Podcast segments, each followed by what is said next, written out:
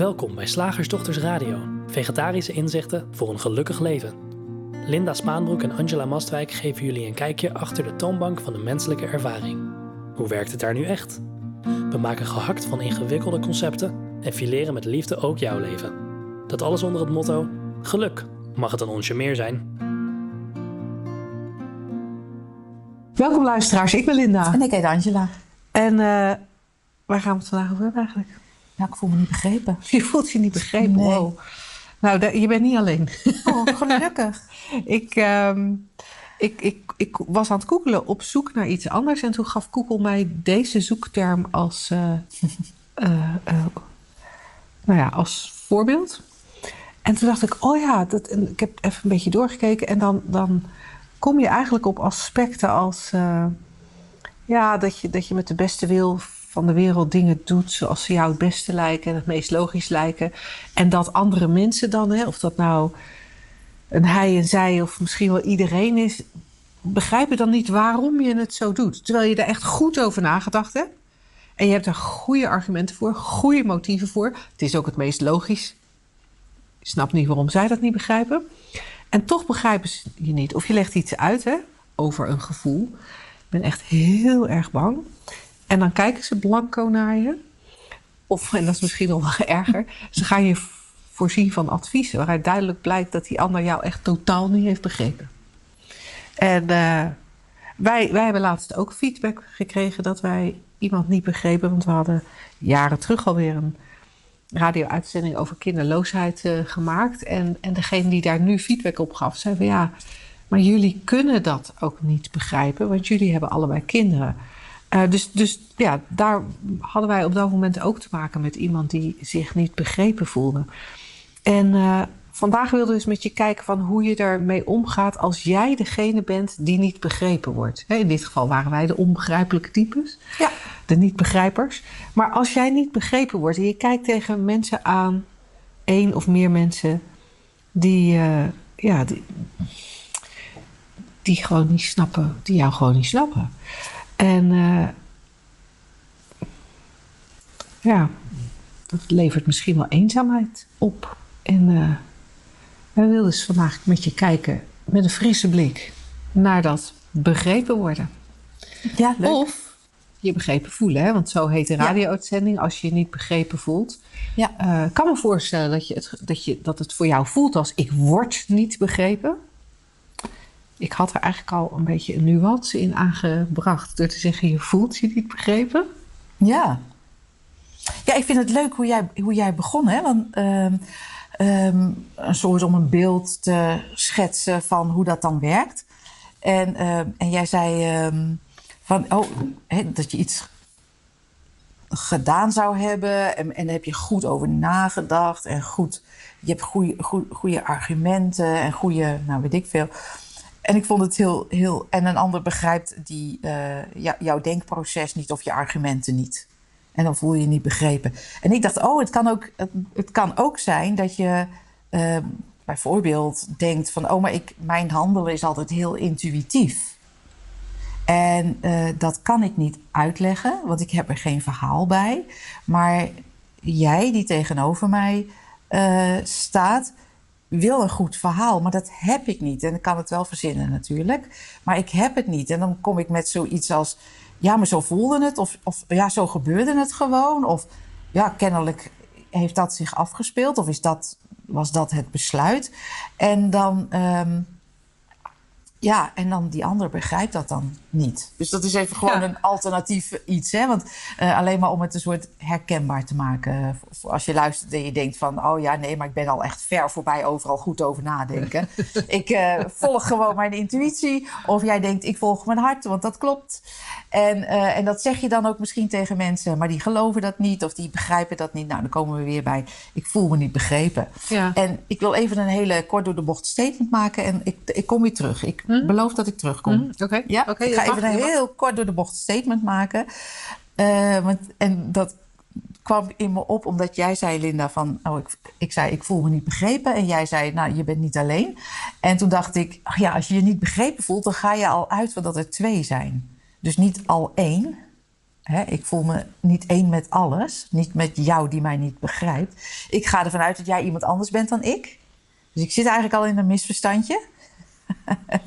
en, uh, en van daaruit geredeneerd wordt het alleen maar erger eigenlijk. Ja. Wordt het alleen maar ingewikkelder. Want dan moet je over en weer gaan praten over wat mijn gevoeligheden zijn. Hoe ik dat bedacht heb. En dan ga jij dan misschien um, oh, je verontschuldigen dat je iets anders dacht en iets anders voelde. Of iets niet gezien had over mijn gedachten of mijn gevoelens. En dan wordt het al gauw. Kijk, misschien komen we tot, tot een soort gezamenlijk, gezamenlijke gedachte. En een gezamenlijk gevoel van oh, dat de een zich uh, een excuses aanbiedt en de andere die aanvaardt. Of andersom, dat één ziet van, nou ja, ik, ik, uh, nou ja, ik, ik wilde mijzelf hier even heel speciaal voelen en begrepen voelen. En dat is eigenlijk uh, onzin, want we kunnen elkaar niet begrijpen. Want we leven allemaal in onze separate realities. En dan kunnen we daarover eens worden. Maar goed, terug naar hoe het beleefd uh, wordt, hoe het vaak gezien wordt. Niet begrepen worden. Ik, als ik uh, kijk op uh, social media, ik krijg steeds meer het idee dat ik, dat, dat ik echt onze Twitter en onze Facebook berichtjes erop zet en dan gauw mijn ogen dicht doe en, en die app weer sluit. Want er komt zoveel voorbij, zoveel ideeën, zoveel ervaringen en zoveel ja, toestanden die we in de wereld maken, doordenken. Uh, wat ik heel veel lees is dat mensen zich niet begrepen voelen, omdat ze zich, nou ja, in een, natuurlijk leven we allemaal in een denkwereld. Misschien moeten we dat nog eventjes uitleggen. Mm -hmm. Die denkwereld, die, die zien wij als waar en echt voor ons, want zo voelt het ook. En dat is logisch, zo werkt het, daar hoef je ook niet vanaf. Maar omdat je je dan even niet realiseert van, oh, dit is een, laten we even zeggen, zelfgecreëerde realiteit met gedachten en gevoelens die een ander niet kan begrijpen per definitie niet, omdat dat een ander uitgangspunt is. Die ander is of heeft een ander uitgangspunt. Uh, gaan we ja, vinden dat een ander hetzelfde moet denken en voelen als wij en voelen we ons niet begrepen. Jij zegt tegen mij, uh, wat, wat nu natuurlijk een heel, heel groot verhaal aan het worden is in de wereld, is die uh, genderidentiteit. Mm -hmm. En uh, dus jij ontmoet mij, neemt waar dat er borsten zijn. En nou ja, verder zitten de kleren over, dus nou ja, goed. De rest weet ik niet. Nee. De rest weten we niet. Um, en jij noemt mij een vrouw. Ja. En ik. Ja, een vrouw. Nou, dat, dat vind ik. Uh, sorry dat je. Dat, dat vind ik niet oké okay dat je me zo noemt. Ik voel mij namelijk een man. En nu voel ik mij door jou niet begrepen. Ja. En vervolgens voel ik mij ook niet begrepen, omdat ik denk, ja, ik bedoel er helemaal niks mee. Ik ben gewoon aardig, ik zeg gewoon hoi. Ja, voelen we ons over en weer niet begrepen. Leuk hè? Oeps, ik was met vergeten mijn telefoon uit te zetten. Er komt nu een heel leuk muziekje op de achtergrond. Mag jij even doorpraten? Ja, ik, ik praat gewoon even door. Maar ik mag even erbij zeggen als excuus. Ik ben vandaag jarig, ja. dus, dus ik word heel veel gebeld. niet bij de piep, hoe gaat Maar niet op 3 mei, hè? wij nemen dit op op een ander moment. We nemen dit op op een ander moment. Goed, dus zo zie je dat, dat omdat wij niet doorhebben, en dat is de enige reden waarom we ons niet begrepen voelen. Wij hebben niet door dat die werking van die drie principes ervoor zorgt dat wij in onze persoonlijke realiteit leven. Waar een ander zich misschien wel in kan inleven door te luisteren naar jouw gedachten. Door te, te, zich voor te stellen wat jij voelt. En daar de communicatie op aan te passen. Dat, dat, dat kan. En dan zouden we continu met elkaar in gesprek moeten zijn. Wat denk jij? Wat voel jij? Uh, uh, hoe kan ik daar rekening mee houden? En dat mag, hè? En er is een makkelijker weg. Er is echt een makkelijker weg. Gewoon realiseren hoe het, hoe het werkt met die separate realiteiten. Die natuurlijk al die separate realiteiten, die 8 miljard of hoeveel hebben we er? En misschien ook diertjes erbij en misschien bomen ook wel een aparte realiteit. Wie zal het zeggen? Wij kennen alleen, Linda en ik, de menselijke ervaring. En jij waarschijnlijk ook, tenzij je in de huid van een dier kan kruipen. Ehm, maar zien dat dat een, een zelfgecreëerde, gedachte gecreëerde realiteit is, die afhankelijk dus is van in het moment, is alleen in het moment wat de gedachte is, welk gevoel dat oplevert. En dan heeft het ook nog te maken met, met laten we even zeggen, je gemoedstoestand of uh, bewustzijnstoestand. Soms is dat heel erg vernauwd en dan heb je dat is allemaal shit. En soms is het heel erg open en dan maakt het allemaal niet zoveel uit. Maar als we ons dat realiseren, dan valt wat mij betreft, Linda, maar ik hoop dat jij dat even kan nuanceren, het hele idee van begrepen moeten of begrepen willen worden weg. Want stel, um, laten we even uit dat gendergedoe, want het is veel te ingewikkeld. Um, um, nou ja, ik, oh, ik, ik, heb een kind gehad met anorexia. Ja, daar begrijp ik dus helemaal niks van. Nee, en, en jij zegt van, uh, nou, dat zijn echt, echt uh, allemaal aanstellerige types. ik, ja, ik zeg maar even wat. En ik heb dat ervaren. Ik zit het nu te verzinnen, hè? Dat kind niet, maar hoe ik het ervaren heb, zit ik even te verzinnen. Ik heb het ervaren als een hele heftige periode. Dat kan natuurlijk, hè? Want mm -hmm. ja, zo'n zo, zo ervaring wordt vaak eh, daaromheen gecreëerd. En jij zegt, nou, dat vind ik allemaal zo'n aanstellerij. Ja. En dan kan ik mij niet begrepen voelen. Of ik realiseer me hoe die drie principes werken. En dan begrijp je eigenlijk de hele wereld, inclusief jijzelf. Namelijk hoe de ervaring tot stand komt. Ja. Voor mij betreft, wat mij betreft valt de behoefte dan ook weg om begrepen te worden. Ja, want jij zei net van, ja, misschien kan jij het nuanceren, maar dat kan ik eigenlijk niet. Want, oh. want, dat, want, want, want zo ziet het er voor mij ook uit. Als je echt snapt ja. dat ieder tegen denken aankijkt. En dat dat bewustzijn aan mijn kant, aan jouw kant, maar dat bewustzijn, dat creëert daar gevoel, emoties, hè, maakt er echt een ervaring van. Ja, dan, dan, dan kun je niet anders dan beleven wat er aan jouw kant beleefd wordt.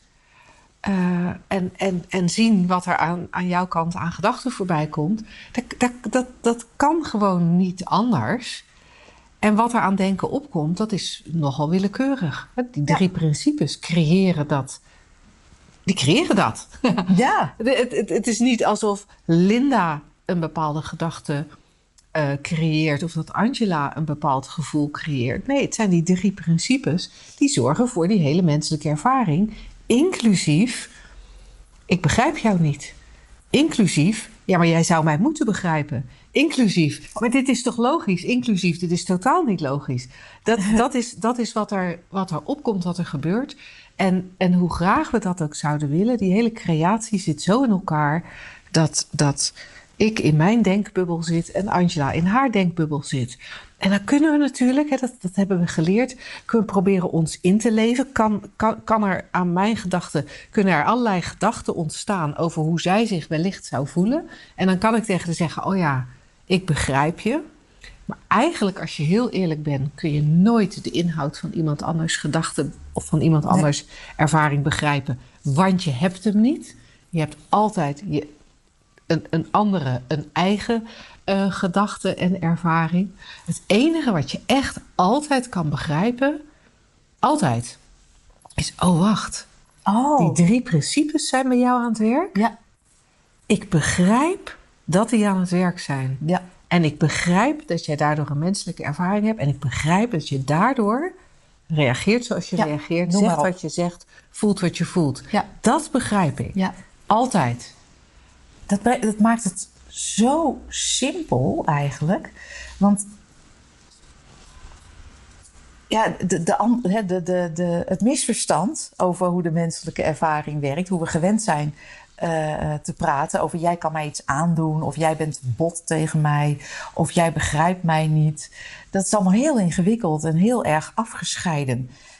Heel erg los van elkaar. En ook al hè, vertelt Linda nu van die denkbubbels, dat kan ook heel erg los van elkaar voelen. Maar dan quote ik graag even Rumi. Hè, want die denkbubbel, dat is alleen het, het denken en voelen.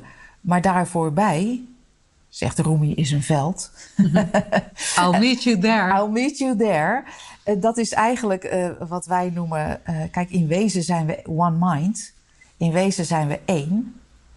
En, en daar kunnen we elkaar altijd, nou ja, niet eens ontmoeten, want daar zijn we gewoon één. He, het is niet een kwestie van ontmoeten, maar realiseren dat we in wezen één zijn. En verschijnen als allemaal aparte ervaringen. Ja, en dat, dat vind ik ook mooi van dat gedicht van Rumi waar jij net naar verwijst. Uh, wat begint met Beyond right doings and wrongdoings, there's a field. Ja. En, en he, de wrongdoings, het fout doen en het goed doen, wat volgens mij een grote rol speelt bij elkaar al dan niet begrijpen. Wrong, uh, goed doen, fout doen, wrongdoings en right doings. Uh, daar voorbij, voorbij het denken, zouden wij ja. zeggen. Voorbij het denken is daar alleen maar dat ene, dat alles waarin, waarin we hetzelfde zijn.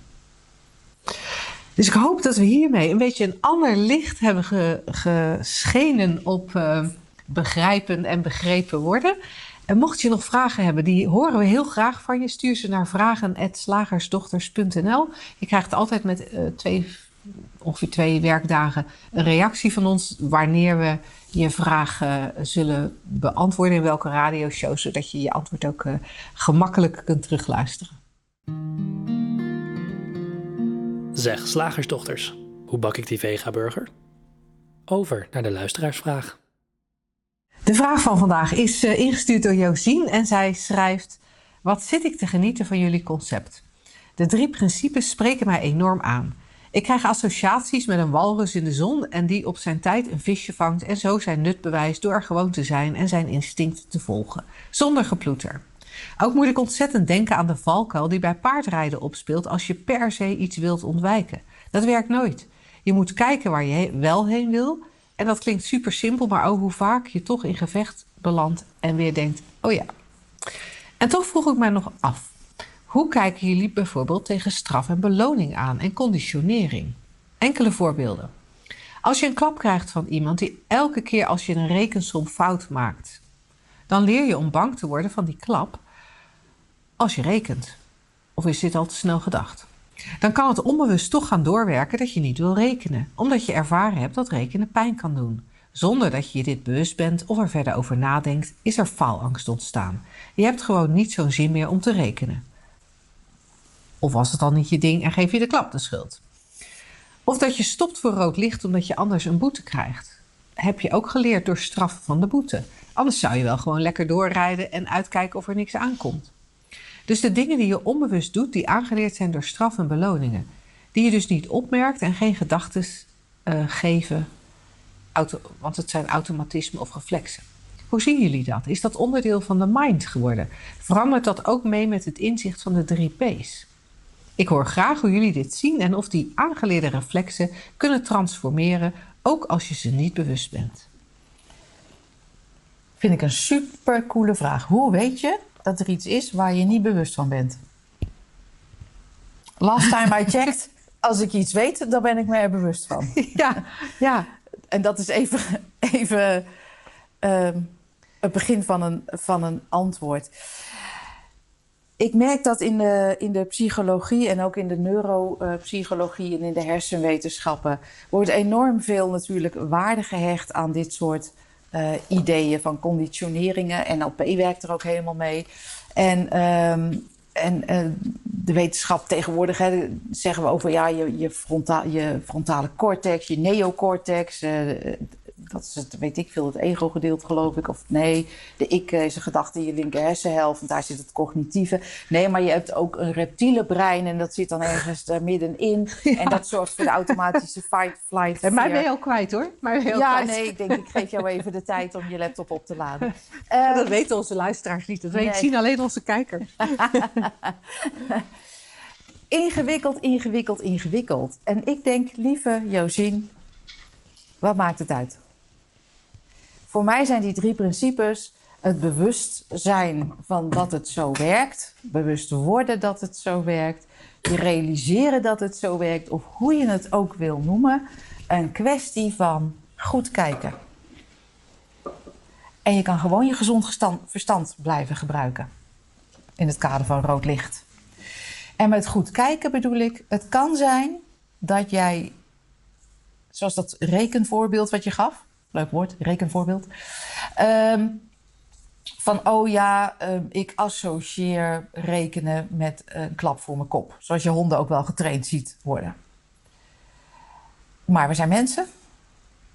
En wij hebben altijd de mogelijkheid om in het moment, nu, waar het leven zich afspeelt, het eeuwige nu, te kijken. En kan je zien dat een enorme verkramping, angst, als er iemand zegt: maak jij even een rekensom, dan kan je ontdekken, en die verkramping helpt je dat herinneren, even goed kijken. En de onlogica zien van schrikken voor een rekensom. Of schrikken als iemand boos tegen je is. Wil niet zeggen dat je niet mag schrikken. Maar die verkramping die ontstaat, die angst,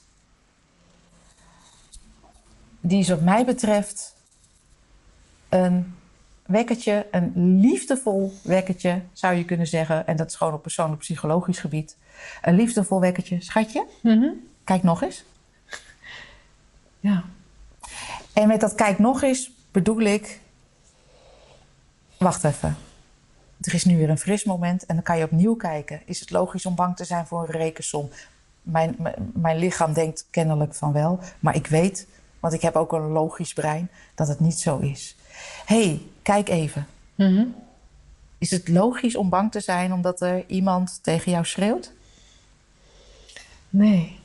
Oké, dus we kunnen steeds opnieuw, opnieuw kijken. En dat gaat voorbij alle, alle theorieën over, over het brein en hoe dat geconditioneerd zou zijn. En ook voorbij alle theorieën, de nieuwste, hè, over hoe het lichaam uh, uh, dingen opslaat. Want dat lijkt al zo te zijn en dat snap ik ook. Ik zag laatst een uitspraak op LinkedIn en ik dacht: yes, dat is hem. En daar stond, hè, we hebben natuurlijk nu is uh, bijvoorbeeld een stroming in de psychiatrie, best wel van de kolk. The body keeps the score. En er was iemand die niet vanuit die drie principes, maar waarschijnlijk vanuit eenzelfde uitgangspunt kijkt. En die zei: Ja, the body keeps the score as long as the mind keeps the delusion. Leuk hè? Dus je lichaam schrikt van een rekensom zolang je, je mind, je persoonlijke mind heb ik het dan over, in de war is. En zo'n verkramping, zo'n angst bij de rekensom nodigt je uit om te kijken hoe het zit. En dat is altijd maar één kant. Eén, wat ons betreft, één metafoor, want we houden het zo simpel mogelijk. Terug naar dit. Ja, weet je, ik, ik zie nog een andere interessante oh, invalshoek. Als het gaat over conditionering. En dat komt eigenlijk door, door iets wat gisteren tegen mij gezegd werd. Um, en, en en ik wil het graag vertellen omdat het voor mij zo'n mooi voorbeeld is van, wat, van dat je nooit weet. Want we gaan er altijd van uit van, nou dan word ik met rekenen elke keer geslagen. Dus is er een conditionering en dus zal ik daar later last van hebben. En, en gisteren ervaarde ik een voorbeeld waarvan ik dacht: oh, we weten, nee. we weten dus echt niet wat een bepaalde gebeurtenis of een serie van gebeurtenissen voor een effect zal hebben op. Nee op een mens, of dat wel of niet geloofd wordt, of dat wel of niet herinnerd wordt en of die herinnering, en zoals Sid Bank zei, herinneringen zijn gedachten uh, die door de tijd meegedragen zijn. En, en voor mij voelt dat alsof het gedachten zijn die steeds weer opnieuw opgekomen zijn door de jaren heen, waardoor, ja, waardoor die gedachten vrij Zie je wel? Vrij zichtbaar voor ons is. Zie je wel? En het voorbeeld wat er gisteren was, hè, waarvan ik dacht, ja, als het nou gaat over er wordt je pijn gedaan en dat herinner je je en dat wordt een soort conditionering. Mijn moeder, we waren aan het eten met, uh, met de familie en mijn moeder zei, naar aanleiding van iets wat er in het gesprek uh, opkwam, ja, maar jij werd vroeger ook zo gepest. En ik was helemaal verbijsterd, omdat ik al zolang ik mij kan herinneren, leef in de veronderstelling: ik ben nooit gepest. Mijn kinderen zijn nooit gepest op school. Dat is gewoon een ding wat ons niet gebeurt. En toen zei ze: ja, maar die en die, pestte jou. En wat er in mij opkwam, hè, gewoon even Mhm. zo, zo, zo, eh, was ja, nee, dat, ja, maar dat was gewoon een rotkind. Dat was, dat was, niet, dat was niet pesten. Hè? In mijn Het was hoofd niet op mij gericht. was het niet op mij. Het was gewoon op, Nee. op de hele wereld gericht. Nee, nou, het is dus grappig dat je dat zo zegt. Want dat, dat, dat, dat, ik had gisteren, toen ik dit hoorde, niet de gedachte dat was niet op mij gericht. Maar dat, dat lag echt duidelijk aan haar. Weet je wat dat was? en toen mijn moeder dat zei, dacht ik: oh, wacht, ja. Ik heb ook een tijdje last gehad van een jongen. Die, als ik dan uit school kwam, stond hij mij af eh, op te wachten. En dan dreef hij mij in het nauw en maakte hij mij bang. En, eh, of tenminste, ik was dan bang. Ja, dat heb ik ook meegemaakt. En dit meisje heeft, toen wij op de basisschool zaten, mij een keer in mijn ogen een loer gedraaid. En daarna ging ik niet meer met haar om. En later, toen we op de middelbare school eh, zaten, kwamen we toevallig bij elkaar in de klas. Ontstond er weer iets van vriendschap en draaide zij in mijn ogen mij weer een loer. En, eh, en dat heb ik ongetwijfeld aan mijn moeder verteld als... nou, zij, nou, dat, Dat rotkind nou heeft... uitgehaald heeft. En ik was bang en ik was dit en ik was zus en zo. En ik vond het zo grappig, en daarom vertel ik het... dat dit had een conditionering, hè, Josien, zoals jij het noemt. Dit, als, als die hele theorie over conditionering klopt... dan, dan zou ik hier de rest van mijn leven last gehad van moeten hebben. Want dat meisje heeft in twee pe- belangrijke periodes in mijn leven, zeggen we dan... Hè, zowel op de lagere school als op de middelbare school... heeft zij mij een paar keer in mijn ogen een loer gedraaid. Maar dat, dat, dat, dat nou ja, eh, als je mijn moeder hoort, zou je dat ook pesten hebben kunnen, als pesten hebben kunnen benoemen. Maar het is bij mij blijkbaar heel anders, hier in deze ervaring, heel anders blijven hangen. Of eigenlijk niet blijven hangen. Anders geïnterpreteerd. Anders ook. geïnterpreteerd. En, en doordat mijn moeder dat gisteren vertelde, is de herinnering weer even terug. Maar eigenlijk is het gevoel er helemaal niet meer bij. En wat, wat ik ook zo mooi vind, is dat we halen vaak Pavlov erbij. En jij had laatst, eh, of, of ik, nou, maakt niet uit, Ja, ontdekt dat eh, Pavlov heeft het verhaal van de honden en de bel en het kwijlen. Hoe je een hond eh, kan, kan conditioneren om te kwijlen bij een bel als je daarna steeds hem eten geeft. Maar wat er niet bij verteld wordt, is dat binnen een paar weken nadat die, eh, ehm, dat was vastgesteld en ehm, het experiment was afgelopen, dat die honden dat al niet meer deden. Dus the body of the dog doesn't keep the score. ja, mooi. Mooi hè? Omdat honden gewoon niet van zo'n denkgeest hebben en gewoon in het eeuwige nu eh, Ja. leven. Ik denk bijna dat de term conditionering. Het, het, is, het is een poging geweest destijds van Pavlov om gedrag te ehm, kunnen verklaren en te kunnen voorspellen. Omdat het verklaren van wat er echt gebeurt eh, te ingewikkeld was. Dus is er, hè, zijn de behavioristen eh, zijn naar, naar het gedrag gaan kijken. En daar, zijn eigenlijk, daar is een heleboel geloof uit voortgekomen. Ja. En, en ja, wat bij veel wetenschap is, dat, en zeker bij psychologische wetenschap, dat eerdere conclusies al lang achterhaald zijn. Maar op de een of andere manier blijven we in de mainstream praten op basis van, Ja. van ja, die, die al lang achterhaalde conclusies. En gebruiken we termen als conditionering en gaan we ervan uit dat het klopt. Zien we er bewijzen van in de werkelijkheid. Alsof de aarde plat is. Ja, alsof de aarde plat is, daar kun je ook nog steeds bewijs van vinden. Kijk maar, ga maar aan langs zee staan. Ja, je ziet toch gewoon eh, Je een ziet streep. echt een streep. En, en de zon komt toch op? Dat zie ik toch? Dat zie ik toch? Dat is Ja. helemaal niet waar. En dat is super interessant. En dan, en dan eh, nou, is jouw vraag echt geweldig, Josien, omdat het weer zo'n uitnodiging is om te kijken van, oh wacht even, we, zo'n woord als conditionering geloven we. Ja. En zo, en zo geloven we heel veel woorden, geloven we heel Ja. veel concepten en heel veel ideeën. En om dan samen steeds opnieuw te kijken van, oh, is dit ook een concept? Is dit ook een Ja. dogma? Nou, dat, dat gaan we zo meteen doen. Hè? We gaan zo Ja. weer een concept vermalen. Eh, maar dat doen we natuurlijk ook heel graag tijdens onze driedaagse eh, bijeenkomsten en onze shiftdagen. Eh, we hebben in mei hebben we een shiftdag Rust, Rust en en ruimte, Ruimte. waar je van harte welkom bent. Die is wel binnenkort, dus dan moet je wel... Volgens mij 13 eh, mei. Ja, dus over tien dagen op het moment dat deze radio-uitzending in de lucht komt. Ehm, Ehm, maar mocht je deze uitzending later luisteren, we hebben elke maand een shiftdag. Dus je kunt op onze website shiftacademy.nl onder ons aanbod al onze shiftdagen vinden. En daar vind je ook onze driedaagse. En uh, die hebben de titel Dieper Inzicht. In juni is er weer eentje. En uh, op verzoek van een van onze uh, volgers ehm, is die deze keer op zondag, maandag, dinsdag. Voor iedereen die het lastig vindt om uh, op zaterdag naar zoiets te komen, die misschien moet werken of uh, sportende kinderen heeft of zelf sport, doen we in juni op zondag, maandag, dinsdag een driedaagse. En daar gaan we echt lekker de diepte met je in. En ja, daarvan horen wij van mensen dat het echt veel rust, ontspanning, gemak en inzicht brengt. Dus het zou super tof zijn als, als je een keer hier bij ons op, in ons huiskamerkantoor lekker met ons komt verder praten. Dan nu het concept van deze week. Woensdag, gehaktdag. Zeg slagersdochters, welk concept gaat er vandaag door de molen? Het concept van vandaag kregen we van Roger. Die uh, kwam uh, tegen in een weerbericht waar, uh, waar bijna twee dagen het mooie weer om zou slaan. En daar werd gezegd, geniet ervan zolang het kan. Ja, want genieten moet, Linda moet. Als je dan even goed voelt, dan moet je er genieten zolang het kan. Want echt, ik, ga, ik dreig nu al met een omslag. Ja, dat is toch interessant? Leuk hè? En, en dat is heel grappig. En ik vind het ook leuk om te zien dat we aangespoord worden om te genieten van iets buiten ons. Ja. Het is zo mooi outside in. Ja.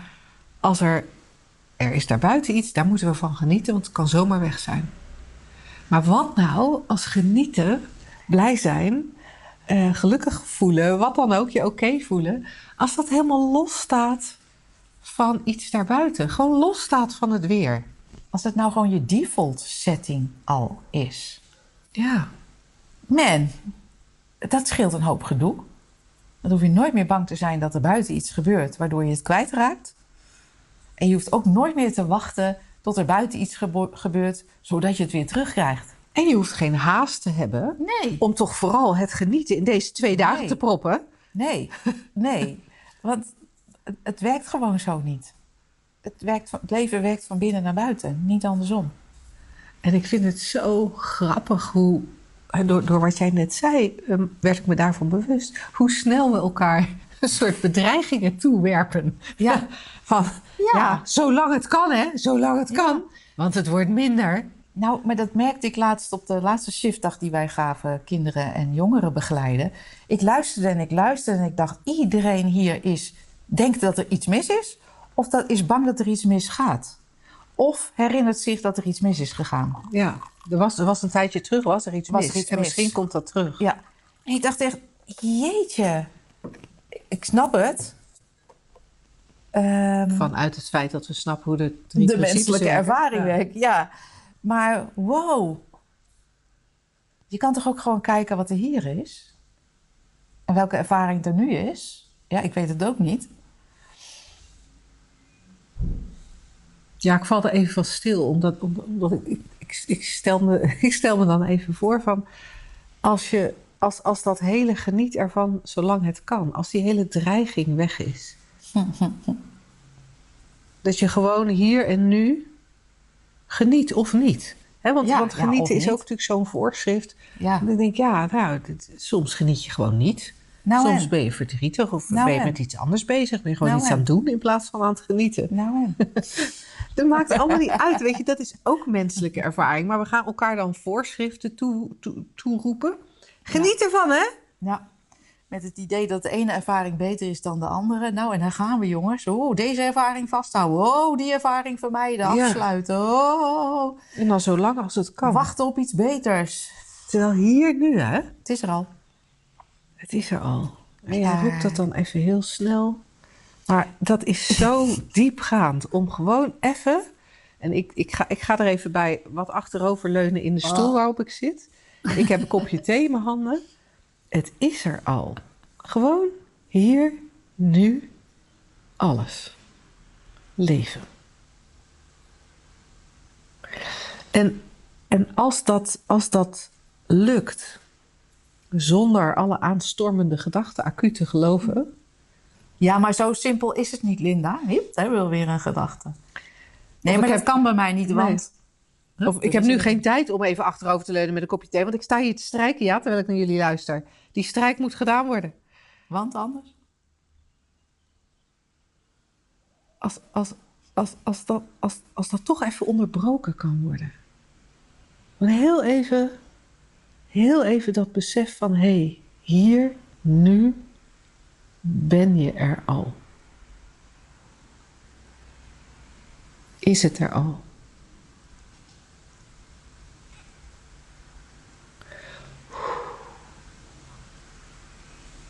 En als je daar meer van wil weten, dan kan ik je echt die driedaagse aanraden.